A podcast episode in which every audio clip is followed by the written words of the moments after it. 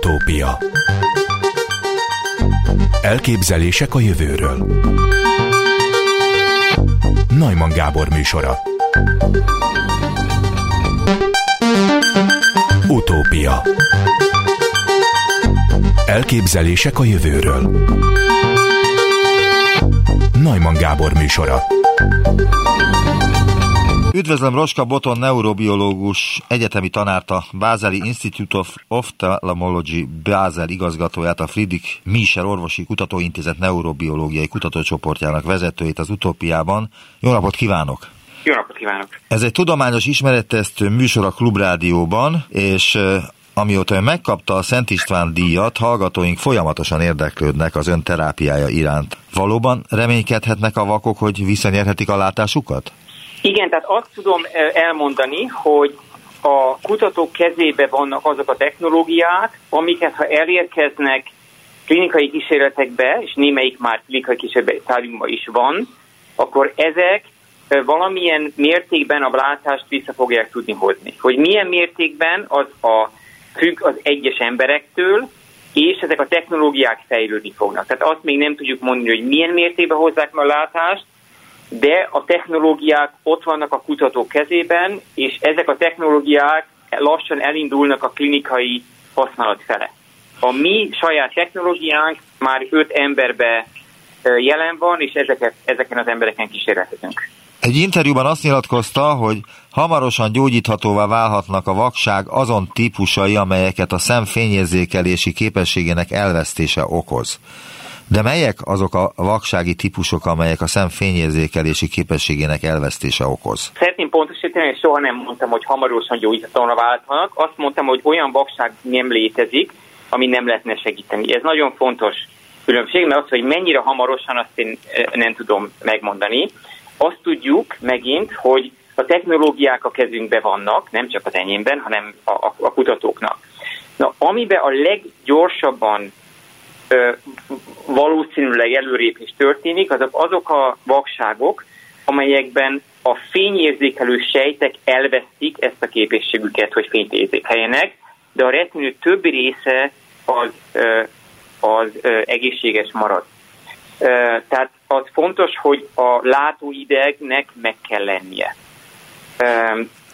Na most még egy dolog fontos, hogy mi vakemberekről beszélünk, és nem gyengén látókról. Ez nagyon fontos a nézőknek, hogy az, aki veszi el a vakság a látását, de még nem vak, azokban a mi terápiánkkal nem tudunk segíteni, mert mi teljesen, csak teljesen vak emberekben tudunk ezt a, csak teljesen vak emberekben tudjuk ezt a terápiát használni.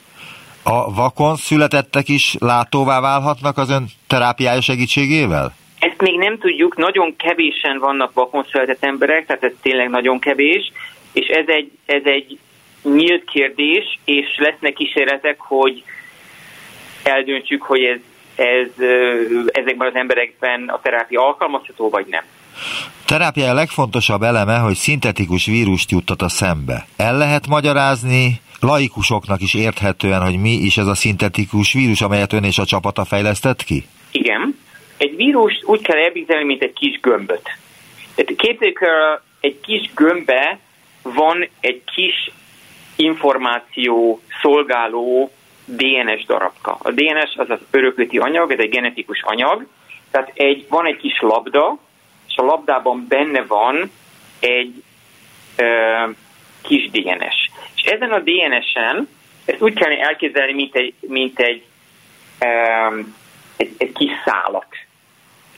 És ezen a DNS-nek két fontos része van. Az egyik része az, ami csinál valamit. És am, am, amit mi hozunk oda, ez egy olyan gén, ami fényérzékenyé tud sejteket tenni. Tehát, hogyha fogom egy bőrsejtjét, a bőrsejtbe beviszem ezt a gént, ettől a bőrsejtje fényérzékeny lesz.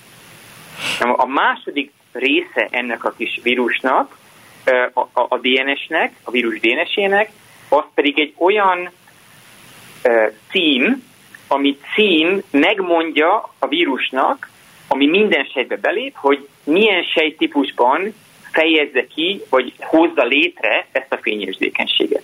Tehát mi fog történni, ha mi beinjektáljuk ezeket a kis labdákat a szembe, ezek elárasztják a szemet, és minden sejtbe bemennek a retinánkba, de tudják, hogy csak azokban, csak azokat teszik fényérzékenyek, amiket mi akarjuk.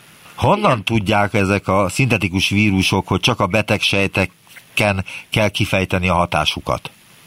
Nem a betegsejteken, mert néhányszor nem a betegsejteken dolgozunk, hanem más sejteken, de azt én programozom be. Tehát létrehoztunk a csapatunk egy olyan szintetikus információt, amivel mi be tudjuk programozni a vírust, hogy csak egy bizonyos helyben sejtet tegyen fényérzékeny, vagy bármilyen bizonyos sejtben fejezzen ki egy gént. Ezt most publikáltuk egy hónappal ezelőtt a Nature Neuroscience folyóiratban, ez az első ilyen publikáció, ami azt mutatja, hogy be lehet programozni vírusokat olyanra, hogy csak abban a típusban, amiket mi akarjuk, ott csináljanak valamit. Tehát ez egy kis olyan is, hogy elküldjük a postást, a postás tud minden címet, de ő egy adott házba viszi be a, az oda címzett levelet. De hogyan találják meg azt a bizonyos gént, vagy azokat a géneket, amelyek meghibásodtak, és a látás hibáit, a látás romlásét, vagy a vakságért felelnek?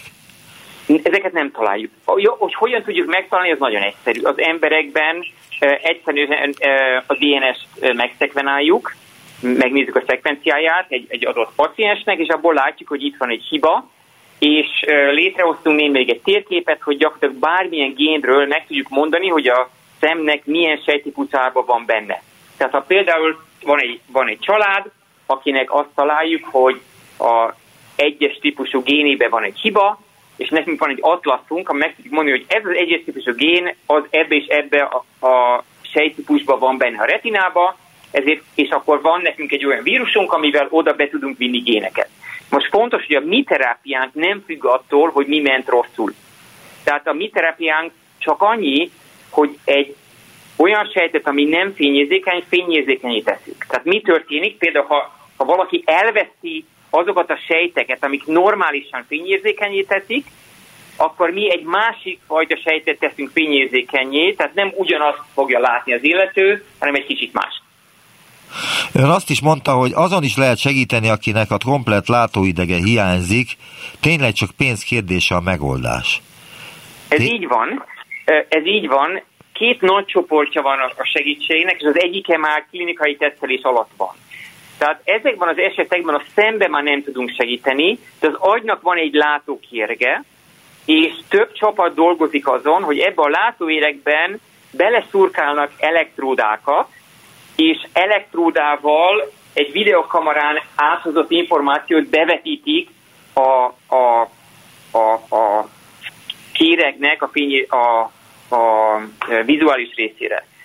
Mi is kezdünk egy, egy nagy projektet, abban az intézetem eh, benne van, több európai laborral, ahol mi meg fényérzékenyé tesszük a vizuális kortexnek egy részét, és megpróbáljuk ide bevetíteni az információt. A mi kísérleteink megint csak kísérleti stádiumban vannak, az elektródás kísérletek már emberbe vannak. Az előbb is mondta, hogy négy vagy öt ember már részt vesz ebben a Igen. klinikai kísérletben. Tud róluk valamit, hogy ők már látnak valamennyit? Ezt számomra ezt erről én nem beszélhetek, ez egy cég végzi ezeket a vizsgálatokat, én nem vagyok benne a vizsgálatokban, Erről majd a cég ad tájékoztatást, amikor ők úgy látják, hogy ez ideje lesz. Azt is mondta, hogy manapság vér vagy bőrsejtből Peti csészében is tudunk retinát építeni. 200 nap alatt bárkiből tudunk csinálni ezer retinát, amelyen gyógymódot tudok fejleszteni. Ez így van. Ősejt technológiát alkalmaznak? Ősejtből indulunk.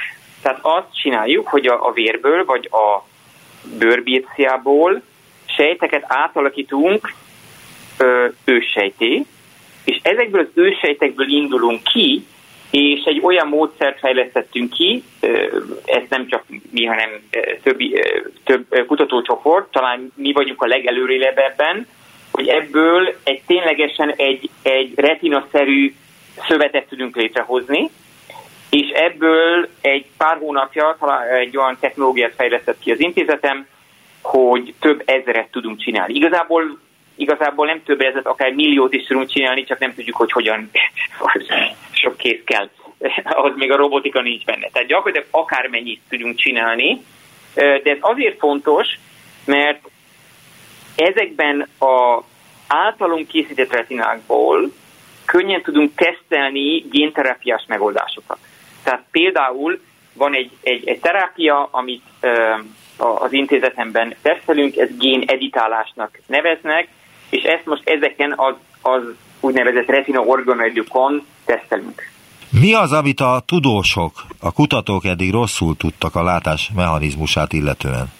Hát keveset tudunk a látás mechanizmusát illetően, úgyhogy, úgyhogy nehéz megmondani, hogy mit tudunk rosszul, mert, mert amiről, amit nem nagyon tudunk, arról nem tudjuk, hogy az rossz vagy jó. Az emberi látásról nagyon keveset tudunk.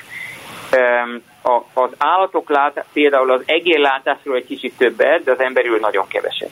Az emberi látás nagyon-nagyon különbözik az egérlátásától, mert az embernek van egy, egy, egy retinájának egy része, amit úgy hívunk, hogy, hogy fóvea, ami az éles látásért felel, és ez, ez tulajdonképpen, hogyha én elvesztem a fóveámat, úgy is félek, hogy makula, például makula degeneráció azt jelenti, hogy elvesztjük ezt a részt, akkor mi úgy gondoljuk, hogy elvesztettük a látásunkat. És ez a, ez a makula, ez nincs benne például egerekben. Tehát nagyon nehéz ez, ez csak főemlősökben van benne.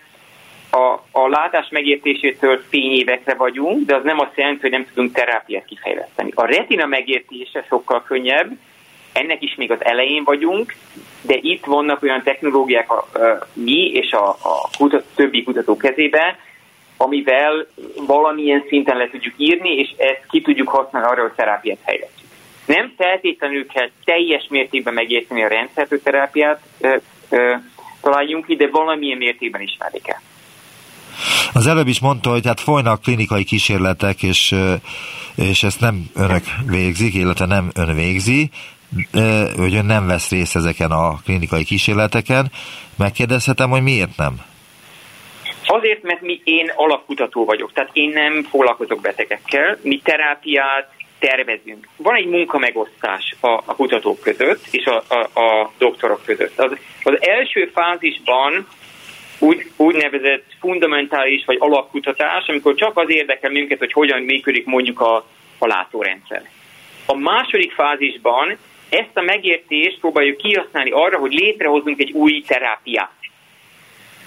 Ebben az első két fázisban vagyok én benne, de ez laboratóriumban zajlik. Ezek után jön á, egy kis cég, aki azt mondja, hogy na, e, a, következő lépéshez már nagyon sok pénz kell.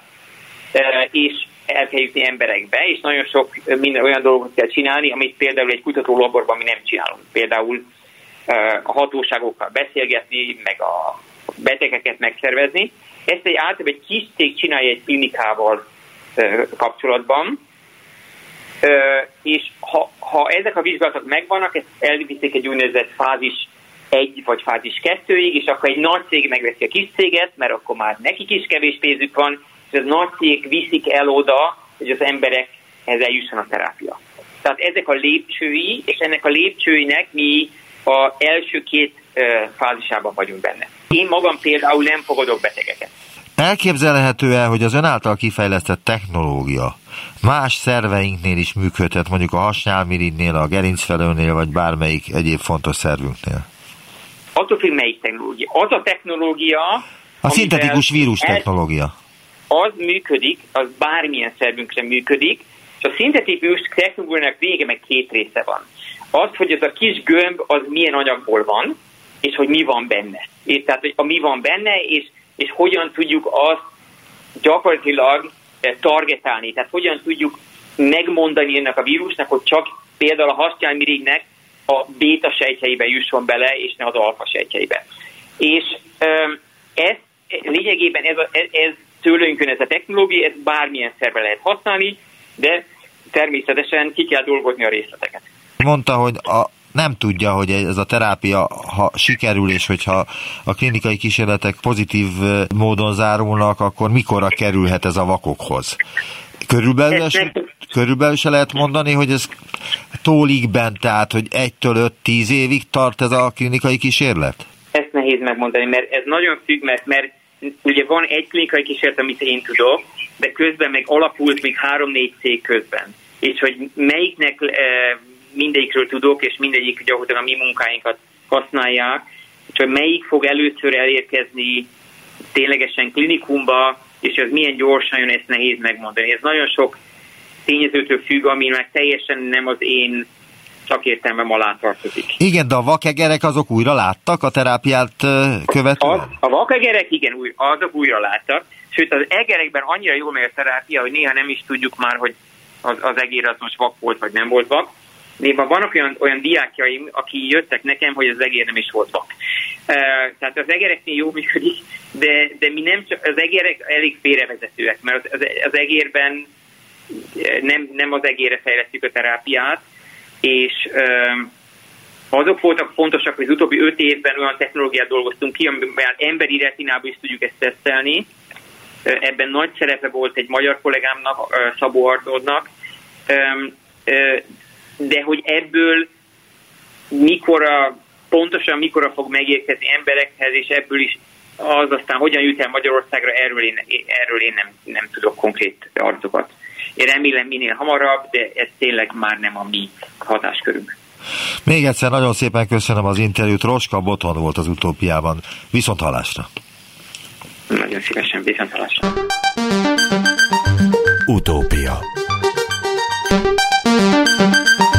Utópia itt van velünk Kröll Dulai György, ökológus, a GINOP fenntartható ökoszisztémák csoport, öbbi kísérletes vegetációökológiai kutatócsoport csoportvezetője, tudományos főmunkatársa. Jó napot kívánok! Jó napot kívánok! Minden bizonyal a természet sokkal okosabb, mint az ember, és a növények már észrevehették, hogy valami nincs rendben az éghajlattal, és feltételezem, hogy reagáltak is már rá. Jól gondolom? Igen, igen. Az utóbbi években, sőt évtizedekben egyre több jelét látjuk annak, hogy a a, a klímaváltozásra ö, reagálnak a növények, a, a, a föld vegetációja. Vannak olyan területek, ahol ezek, ez a, ezek a válaszok erősebbek, van, ahol kevésbé. Ö, ott látjuk a legerősebb válaszokat, ahol az ember kevésbé bolygatja a természetet, illetve ahol leginkább a, a hőmérséklet limitálja a növényeket. Ilyenek a magas hegységek például. Azt látjuk, hogy a növények egyre magasabb régióban meg tudnak telepedni, olyan területeken, ahol néhány évtizede még nem. Ugyanezt látjuk a, a magas szélességi ö, ö, fokokon is, tehát a, a, a tundra, ahol korábban még ö, örök fagyott jeget találtunk, most már meg tudnak telepedni növények, ahol korábban még csak gyepet láttunk, most már cserjék, alacsony fák is meg tudnak terjedni, de ezen kívül sok egyéb jele is ö, van még a klímaváltozásnak, korábban virágoznak a növények, ahogy, ahogy korábban köszönt be a tavasz, de, illetve ahol a hőmérséklet limitálja a növekedést, és például Európa nagy része is ilyen, ott vannak adatok arra, hogy jobban növekednek a fák egy-egy év alatt. Hogyha ez, persze évek között mindig van különbség, de statisztikai értelemben látjuk ezt a hatást. Mikortól látják a biológusok, az ökológusok, hogy a növények valamilyen furcsa dologra kezdtek el másképpen viselkedni, mint ahogy eddig viselkedtek? Hát maga az egész klímaváltozás ö, ö, problémakör a 80-as években vetődött föl, és a 90-es évektől ö, ö, ö, jönnek ö, sorba ö, a, a, ennek, a, ennek a biológiai, ö, ökológiai jelei is. Tehát a, a, a 2000-es évek körül voltak az első olyan, olyan tényleg meggyőző adatok, ahol egyértelműen mondjuk a globális felmelegedéshez lehetett kötni bizonyos változásokat. Most 2019 van. A 90-es évek elején már a tudósok egy része tisztában volt vele, hogy itt változás zajlik. Az, hogy mekkora, azt még gondolom nem sejtették, de hogy, hogy el kellett telnie 20 évnek, míg egyáltalán reagált rá az emberiség? Ezek, ezek az első jelek, ezek, ezek úgy az átlagember számára, meg a mindennapi életünket kevésbé befolyásolták azonban, ahogy ezek egyre sűrűsödnek és, és egyre inkább egy irányba mutatnak, úgy, úgy, úgy, úgy vált ez, ez egyre inkább mondjuk a, a közvéleményben is ö, ö, ismerté, elfogadottá. Tehát a kutatók körében azt lehet mondani, hogy már a 90-es évek vége óta nem kérdés, hogy van klímaváltozás, és hogy ezt, a, ezt, ezt a, az ember tevékenysége okozza, az, hogy ez miért tartott 20 évig, hogy ez, ez mondjuk a politikus sok szintjéig eljusson, vagy az átlagember szintjéig, én erre nem tudom a választ, de, de valószínűleg az egy, egyre több jel, ami egyre több ember a saját bőrén is ö, érzékel, valószínűleg ennek, ennek van egy olyan összeadódó hatása, hogy én is azt látom az utóbbi egy-két évben, ö, akár a médiából, akár a mondjuk ilyen baráti körben, akik nem, nem kutatók és nem ezzel foglalkoznak, ők is hallottak erről, érdekli őket, aggódnak ezen. Azt tudjuk, hogy az egy, emberek egy része is reagálta már a globális felmelegedésre. Vannak olyan országok, amely terveket készítenek a széndiokszid kibocsátás visszafogására, és vannak olyan országok, ahol tömeges erdőírtással készülnek a klímaváltozásra, ilyen Brazília és Indonézia. Mennyit számít a globális felmelegedésnél, hogy csökkennek az erdőterületek a Földön? Számít -e ez egyáltalán?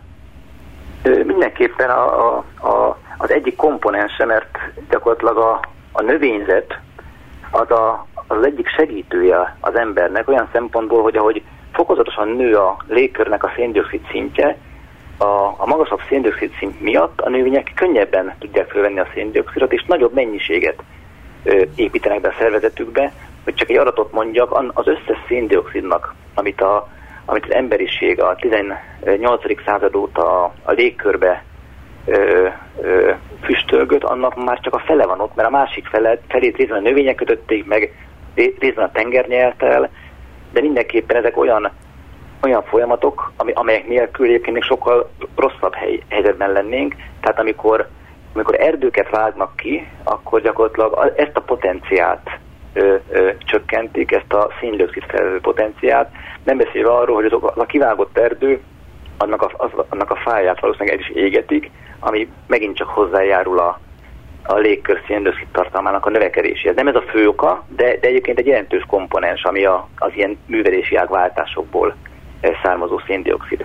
Mit gondol, melyek azok a növények, amelyek kibírhatják az extrém és csapadékmentes környezetet, és melyek nem? Lesznek olyan növények. Egyébként az, hogy, hogy, hogy, hogy csapadékmentesebb lesz a környezet, ez, ez egyáltalán nem egyértelmű. Összességében, ha visszanézzük a, a, a az elmúlt évmilliókban azt látjuk, hogy amikor a Föld melegebb volt, akkor csapadékosabb is volt. Egyszerűen azért, mert több, több pára van a, a légkörben, abból több csapadék hullik. Tehát a, egy globális felmelegedéssel, globális szinten a csapadék növekedésére lehet számítani, ami a probléma, azonban az, hogy nagyon jelentős regionális különbségek lesznek. Tehát lesznek területek, ahol nagyon so, sokkal több csapadék lesz, és lesz olyan, amelyek sokkal szárazabbak lesznek, és a másik probléma, hogy a csapadék eloszlása is sokkal hektikusabb lesz. Tehát hiába lesz valahol több csapadék, az nem biztos, hogy jót jelent a növényeknek is, mert a csapadék eloszlása az, az, az, az lehet egészen más. Tehát akár hosszú száraz időszakokat követhetnek nagyon, nagyon ö, csapadékos ö, időszakok, de hogy a kérdésre válaszoljak, mindenképpen lesznek növények, amelyek haszonélvezői ezeknek a változásoknak, mások meg elszenvedői, de mindenképpen egy jelentős átrendeződésre kell számítanunk a, a, a, növényvilágban, az állatvilágban is, hiszen hogy a, a, a klimatikus övek eltolódnak, vagy hogy a klíma változik, a növények ezt meg, meg az állatok is megpróbálják lekövetni, csak az a baj, hogy a változások üteme, ami jelenleg zajlik, sokkal gyorsabb annál, mint ami a földtörténeti korokban korábban előfordult, ezért, ezért ez, mindenki, ez, ez nem fog könnyen menni, és mindenképpen egy ilyen, egy ilyen hektikus, mindenféle katasztrófákkal, most a növények szempontjából a katasztrófákat hogy, hogy nagy területeken kipusztulhat a növényzet, visszatelepülni csak lassabban tud. Tehát nem, ahogy, ahogy elképzeljük, hogy melegszik a föld, és ha mondjuk a zónák éjszakabbra tolódnak, vagy magas hegységben, és magasabbra tolódnak, erre egyrészt nem lesz idejük a növényeknek, másrészt ez mindenképpen egy, egy nagyon ö, mozgalmas időszakot jelent. Tehát először kipusztul a növényzet nagy területen, utána ott valami meg tud telepedni, amit aztán lecserélnek más növények, tehát minden, mindenféleképpen ilyen átrendeződésekre számíthatunk. Néhány nappal ezelőtt a fórumban az volt a téma, és egy hallgató azt vetette fel, hogy nagyon régen is voltak ilyen kilengések időjárásilag, és tudja, hogy például a földközi tenger is ki volt száradva, sivatagos terület volt helyette. Erre nem tudtam neki mit mondani, csak azt, hogy bizonyított tény, hogy az ipari forradalom óta egy fokkal emelkedett a Föld átlaghőmérséklete, és az is bizonyított tény, hogy a felmelegedés a széndiokszid kibocsátástól függ, és az ember következtében történt ez meg. De én, én úgy éreztem, hogy nem sikerült őt meggyőznöm. Mi a véleménye erről? Hogyan lehet meggyőzni azokat, akik ezekkel az érvekkel jönnek, hogy ilyen már volt a Föld történetében, lesz majd hidegebb is? Az a, az a probléma ezzel az érveléssel, hogy Ezek a változások, tehát mindig is zajlottak ilyen típusú változások, azonban ennek az üteme sokkal lassabb volt. Azon kívül ezeket a változásokat meg is szenvedték az éppen ott élő élőlények.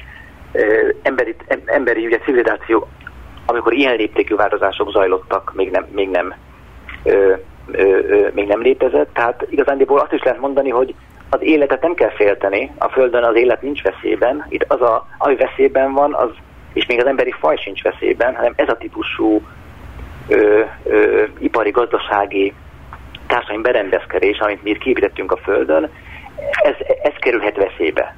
Hogy, hogy, erre, hogy, hogy milyen típusú veszélyekre kell gondolni. Vannak, tehát komoly, komoly elméletek foglalkoznak azzal, vagy komoly, komoly, komoly kimutatásokat végeztek arra, hogy a szíriai konfliktust is az idézte elő, hogy abban a régióban, egyébként az egész közelkeleti térség és az egész mediterrán régió jelentősen szárazodik. Tehát a szíriai konfliktust is jó néhány száraz év előzte meg, amikor nem volt termés, nagyon ö, sok ember beköltözött a városokba, ott olyan társadalmi feszültség keretkezett, ami, ami jelentős részben hozzájárulhatott az akkori rendszer ö, ö, összeomlásához. Tehát amire, amire készülhetünk, az, azok olyan akár ilyen társadalmi, akár gazdasági problémák, amelyek lehet, lehet hogy csak regionálisak, de, de mivel a világgazdaság ezer szálon összekapcsolódik, mindenképpen mindenképpen tovagyűrűző hatásai lehetnek. Amikor egy kutatóval kapcsolatban megpróbálok információkat találni az interneten, akkor szokott egy olyan oldal is lenni, hogy egy illető kutató tevékenységi köre. Az ön tevékenységi körénél van egy ilyen címszó, hogy klímaváltozás és tájhasználatváltozás ökológiai hatásai a kiskunságban. Igen. Olvasni egyébként az Ökológiai Intézet honlapján az ön tevékenységi igen, körének a leírásakor. Megtenni, hogy elmondja, miről is van szó pontosan? Igazándiból a klímaváltozást ugye lehet róla gondolkozni, meg vissza lehet menni, meg lehet próbálni föl, fölfelé, visszafelé fölgöngyöríteni, hogy mi volt egy néhány millió évvel ezelőtt, amikor más volt a klíma, az egyik megközelítési mód az az, hogy kísérleteket végzünk. Tehát eljátszunk azzal, és mindjárt mesélem, hogy ez hogy történik, hogy mi, mi lenne, hogyha, ha szárazabbak lennének a nyarak, vagy mi lenne, ha nedvesebbek lennének a nyarak. Ugye az egyik lehetőség az, hogy megvárjuk, hogy önnek szárazabb vagy nedvesebb nyarak, a másik lehetőség pedig, hogy mi kísérletesen szimuláljuk, előállítjuk ezt. De úgy kell elképzelni, hogy a kiskunsági homokbuckákon vannak nekünk parcelláink, ezek ilyen szobányi méretű ö, ö, gyepfoltok, sok ilyen ö, folt van, ezek közül vannak olyanok, amelyeket ö, nyáron egy hónapra letakarunk átlátszó fóliával, tehát hogyha esik az eső, akkor az eső nem jut a talajfelszínre, hanem oldalra levetetjük ezt a csapadékot. Ezzel azt szimuláljuk, hogy mi van akkor, hogyha éveken keresztül nyáron egy, hó, egy hónapig nem, nem lesz eső. Vannak olyan parcelláink, amit nem egy hónapra takarunk, hanem két hónapra takarunk le, megint minden évben egymást követően, megint egészen megint más parcellákot pedig öntözünk. Tehát eljátszuk, hogy mi, len, mi lesz akkor, mi lenne akkor, hogyha csapadékosabbak lennének a nyarak, és na ezekben a parcellákban nézzük, hogy hogyan változik a növényzet, meg nem csak a növényzet, hanem a talajlogó állatok, vagy a széndiokszid körforgalomnak a különböző elemei, és ebből próbálom következtetni arra, hogy amennyiben a klíma a régióban olyan irányba változik, mint amit mi ott kis parcellák léptékében ö, szimulálunk, eljátszunk, ö, akkor ebből, ebből próbáljuk ö, azt előrejelzni, hogy milyen típusú változások várhatóak. És ezt kik használták föl már, mint az önök kutatási eredményeit mondjuk a mezőgazdaságban? Igazándiból az egyik felhasználási mód az a Nemzeti Park, aminek a területén mi is dolgozunk. Tehát ő, ők is különböző, ők, ők is szeretik azt látni, vagy szeretnék látni, mire készülhetnek a jövőben. Melyek azok a növényfajok, amelyek nagyobb veszélyben vannak, melyek azok, amelyek, amelyek, amelyek kisebb veszélyben vannak. Egy másik felhasználási mód, az, a, ha, ha gyepekről beszélünk, akkor a, akkor a legeltetés ö, ö, kérdésköre. Például azt látjuk, hogy ha minden nyáron nagyon erős asszálynak veszük ki a, ezeket a gyepeket, akkor azok az évelő fűfajok, amelyek a nyári évben is ö, ö, bizonyos fűmennyiséget adnak, azok teljesen kiszorulnak a gyepből, és a helyüket olyan mediterrán, szubmediterrán növények veszik át, amelyek csak a, a ősztől tavaszig ö, zöldek, tehát ezek, ezeken a, azokon a parcelláikon, parcelláinkon, ahogy rendszeresen, visszatérően szárasságot szimulálunk, ö, ott, ott nyáron nincs zöld növény. Tehát ezeket a területeket legeltetni nyáron nem, le, nem, le, nem lehetséges, akkor, hogyha ez a típusú klíma, amit most a parcellákon kipróbálunk, ez bekövetkezik. Magyarországon milyen növények, haszonnövények vannak veszélyben a klímaváltozás miatt? Illetve vannak-e arra nézve koncepciók, hogy mit kellene helyettük ültetni? És itt most a kukoricára, a búzára, a napraforgóra gondolok. Hát ha, a legvalószínűbb forgatókönyvet képzeljék el, hogy a, a nyarak szárazabbak lesznek, a, a, a, a telek meg nem változnak, vagy kicsit csapadékosabbak és enyhébbek, akkor mindenképpen azok, azok a növények, amelyek a, a, a, a, a nyár közepén növekednek, azok mindenképpen veszélyben vannak. Tehát például a kukorica, kukoricát egyre több helyen már csak öntözéssel, tehát ha nincs öntözés, akkor tehát nagyon nyári szárazságra érzékeny a, a, a kukorica, ezzel szemben az őszi gabonák, amelyeket ugye ősszel ültetnek, és már még ősszel ki is csiráznak, és alapvetően júniusra már, ö, ö, már, már termésben vannak, azokat valószínűleg a, a, a jövőben is lehet majd termeszteni. De a, ez csak az egyik dolog, hogy a növények a hőmérséklet és csapadék függése milyen. A másik olyan, a másik ö, problémakör az az, hogy a, az egyre enyhébbé váló telekkel, meg az átalakuló klímával ö, olyan új kórokozók jelennek meg, és erre már, már vannak példák, amik, amik korábban nem voltak itt. Tehát lehet, hogy lehet, hogy a klíma nem is, vál, nem is válik alkalmatlanná egy növény számára, de az új kórokozók megjelenése okoz többletköltséget például a gazdálkodóknak vagy esetleg olyan komoly problémát okoz, hogy amiatt lesz sokkal gazdaságtalanabb egy növénynek a termesztése. A Fülöpházán 2014 május végén átadott terepkutatási infrastruktúra révén a természetben rendszerint egybeeső két jelenség következményeit tanulmányozzák az ökológusok. A kutatók így feltárhatják, milyen különálló, illetve együttes hatással van az egyszeri szélsőséges asszály, illetve a mérsékelt, de minden évben visszatérő csapadékváltozás a szárazabbá vagy nedvesebbé váló klíma, a kiskunság homokpuszta gyepjeinek élővilágára. Ez a szöveg 2014-ben jelent meg a Tudomány Gurmanox című kiadványban. Ön volt a kutatás vezetője. Milyen Igen. kutatási eredmények születtek akkor ott? Ami a egyik legérdekesebb ö, dolog, az az, hogy a, ha egy szélsőséges asszályt, ö, mert általában ugye két, ez két különböző komponense a klímaváltozásnak, hogy egyre szélsőségesebbek és egyre gyakoribbakká válnak a szélsőséges események, részben az asszályok, részben mondjuk egy nagyon esős, tehát ilyen intenzív csapadék események is. Ez, ez egyik dolog, általában például a, a közvélemény erre, erre érzékeny. Mikor van egy nagyon nagy asszály, vagy nagyon nagy hőhullám, azt mindenki észreveszi. De van egy másik fontos komponense is, az, hogy az átlag hőmérséklet szép lassan emelkedik, illetve hogy a, a csapadék mennyisége mondjuk minden nyáron egy, egy, egy, egy kicsivel ö, csökken. Mi ebben a kísérletben ö, azt kérdeztük, hogy mi van akkor, hát van egy nagyon száraz nyár, ö, és mi, mi a különbség a között, hogy a száraz nyarat nedves évek követik, vagy pedig száraz évek követik.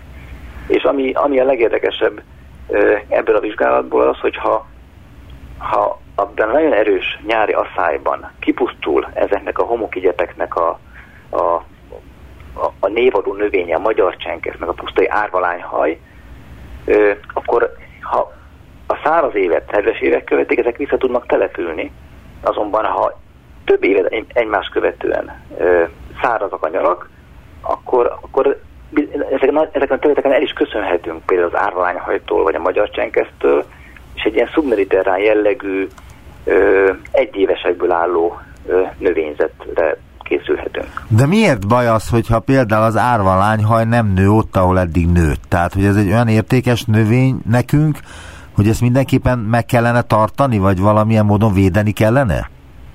Hát ennek van egy, van egy ö, ö, esztétikai, vagy egy, egy, egy kulturális jelentősége, tehát hogy ott, ott évszázadok, évtizedek óta nőtt az árvalányhaj, ha ott nem lesz árvalányhaj, az hiányozni fog a helyieknek. Ez egy dolog. Én nem, nem mondom, ez a legfontosabb, de, de ezt is számításba kell venni. A másik, amit már, már korábban említettem, hogy az árványhaj az egy olyan növény, ami egész nyáron zöld, az egész évben le, egész nyáron lehet legeltetni. Tehát ha az évelő árványhaj helyett olyan növények vannak, amelyek májusban már termést érlelnek és barnák, és nem lehet őket legelni, akkor ez mondjuk a, a, a terület gazdasági hasznosíthatóságát is befolyásolja.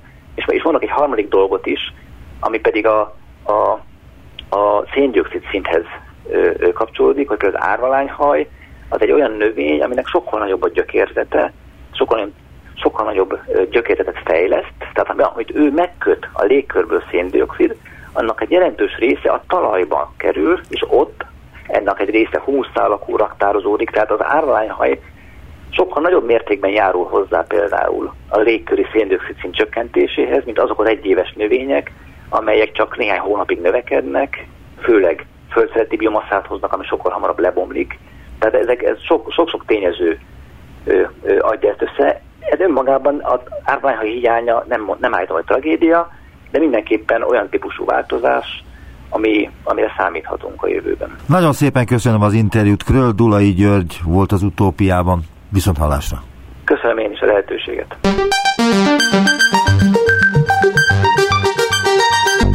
Visszaértünk a jelenbe. Neumann Gábor utópia című műsorát hallották.